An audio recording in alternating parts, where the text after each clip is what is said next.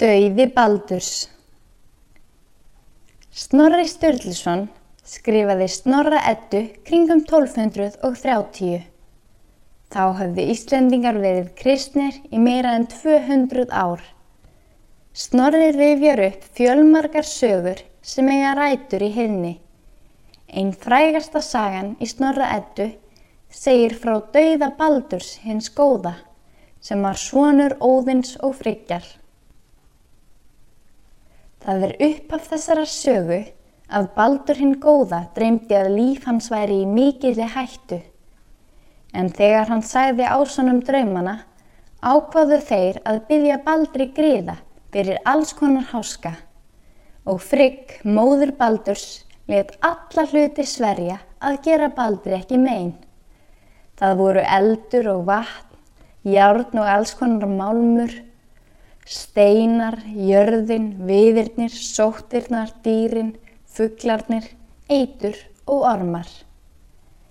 Eftir þetta var það skemmtun Baldur svo ásanna að hann skildi standa upp á þingum og allir aðrir skildur skjóta á hann, högva til hans eða berja hann grjóti. En þrátt fyrir þetta sakaði hann ekki.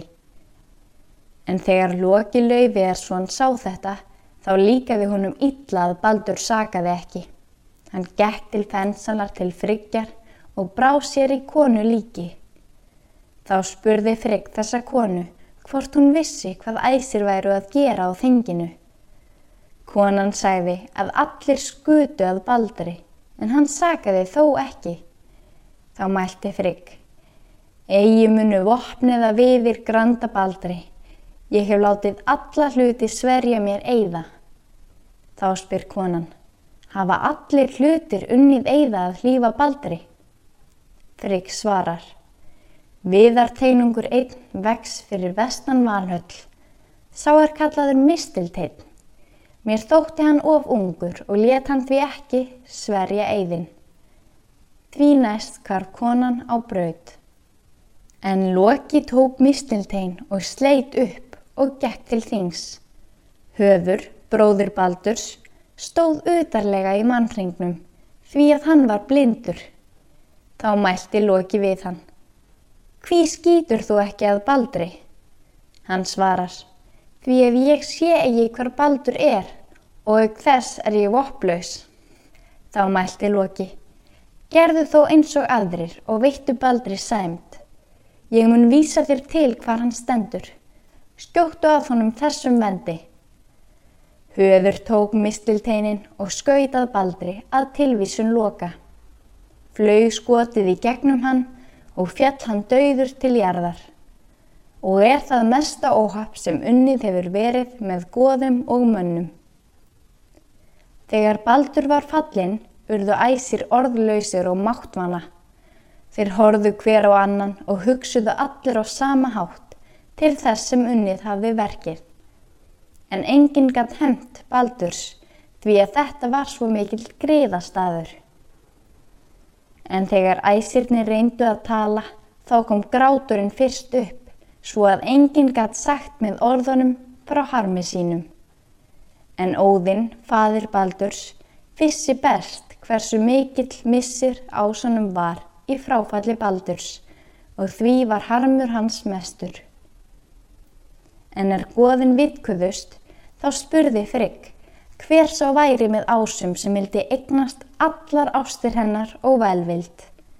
Það myndi sá gera sem vildi ríða á helveg og freysta þess að finna baldur og bjóða helju lausnargjald ef hún vildi láta baldur komast aftur heim í áskarð.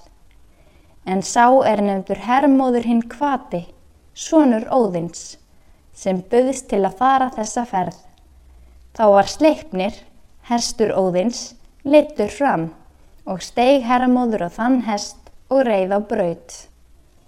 En æsirnir tóku lík Baldurs og fluttu til Sævar. Ringkorni hétt skip Baldurs, hann var allra skipa mestur. Þetta skip vildu goðin setja fram og gera þar á bálfur Baldurs en þeim tókst ekki að hreyfa það úr stað. Þá var sendt í jötun heima eftir gíi þeirri er hirrokkin hétt. Hún kom þá ríðandi á úlfi og hafði höggorm fyrir beislistauma. Hún stökk af baki en óðinn kallaði til fjóra berserki að gæta hestsins, þar eð úlfsins, og gáttu þeir ekki haldið honum nema með því að fella hann. Þá gekk hirrokkin á framstafn nökkvans og hratt fram í fyrsta viðbræði svo að eldur hraut úr hlununum og öll lönd skulfu. Þá var þó reyður og greip hamarinn og hefði brotið höfuð hennar ef goðin öll hefðu ekki beðið henni fríðar. Þá var borið út á skipið líkbaldurs og er það sá kona hans, Nanna Nepstóttir, þá sprakk hún á farmi og dó var hún borin á bálið og slegið í eldi. Þá výði Þór bálið með hamrinu mjölni en fyrir fótum hans hljópt vergur nokkur sem lítur var nefndur. Þór spyrndi fæti sínum á hann og hratt honum í eldin og brann hann. Margir koma að þessari brennu. Með óðni var frigg og valkyrjur og hrafnar hans en Freyr ógi kerru með gelti þeim er gullinbursti heitir eða slíðrug tanni. Heimdallur reið hersti þeim er gulltoppur heitir, en Freyja óg köttum sínum. Margir hrimþursar og bergrisar voru einnig mæltir. Óðinn lagði á bálið gullring þann er draupnir heitir.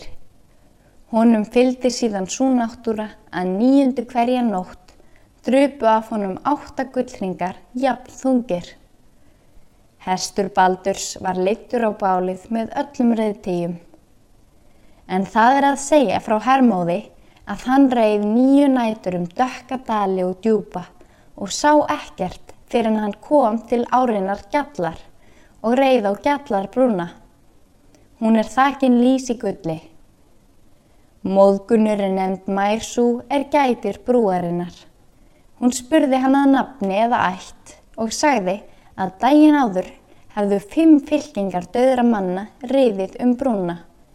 En eigi dynur brúin minna undir þér einum og eigi hefur þú lit döðra manna. Hví rýður þú hér á helveg? Hann svarar að ég skal rýða til heljar og leita baldurs.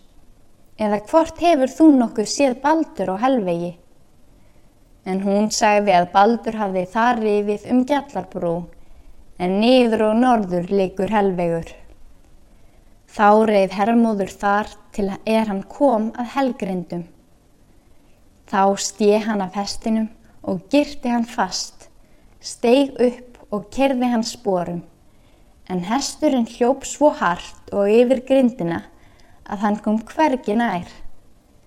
Þá reið herrmóður heim til hallarinnar og steig af hesti, gekk inn í höllina, sá þar sitja í öndvegi baldur bróður sinn og dvaldist hermóður þar um nóttina. En að morgni þá beittist hermóður af helju að baldur skildi ríða heim með honum og sagði hversu mikill grátur var með ásum. En hel sagði að það skildi láta á það reyna hvort baldur væri svo ástsett sem sagt er og ef allir hlutir í heiminum, kvikir og dauðir, gráta hann, þá skal hann fara til ása aftur, en haldast með helju ef nokkur mælir á móti eða villegi gráta. Þá stóð herrmóður upp, en baldur leiðir hann út úr höllinni og tók hringin draupni og sendi óðni til minja, en Nanna sendi frigg rifti og enn fleiri gafir. Fullu þjónustu stúlku friggar, sendi hún fingurgull. Þá reið herrmóður aftur leið sína og kom í áskarð og sagði öll tíðindi þau er hann hafði séð og heyrt. Því næst sendu æsir um allan heim erendrega að byggja að baldur væri grátin úr helju. En allir gerðu það, mennirnir og kvikindin og jörðin og steinarnir og tré og allur málmur Svo sem þú mynd séð hafa að þessir hlutir gráta þá er þeir koma úr frosti og í hýta. Þá er sendimenn fóru heim og hafðu vel rekið sín erindi, finna þeir í hellin okkurum, hver gígur satt. Hún nefnist þökk. Þeir byggja hann að gráta baldur úr helju. Hún segir, þökk mun gráta, þurrum tárum, baldur spálfarar, kviksnið döðs, nuttka ég Karls sonar, haldi hel því er hefir. En þess geta menn að þar hafi verið Loki Laufeyjarsson, er flest hefur illt gert með ásum.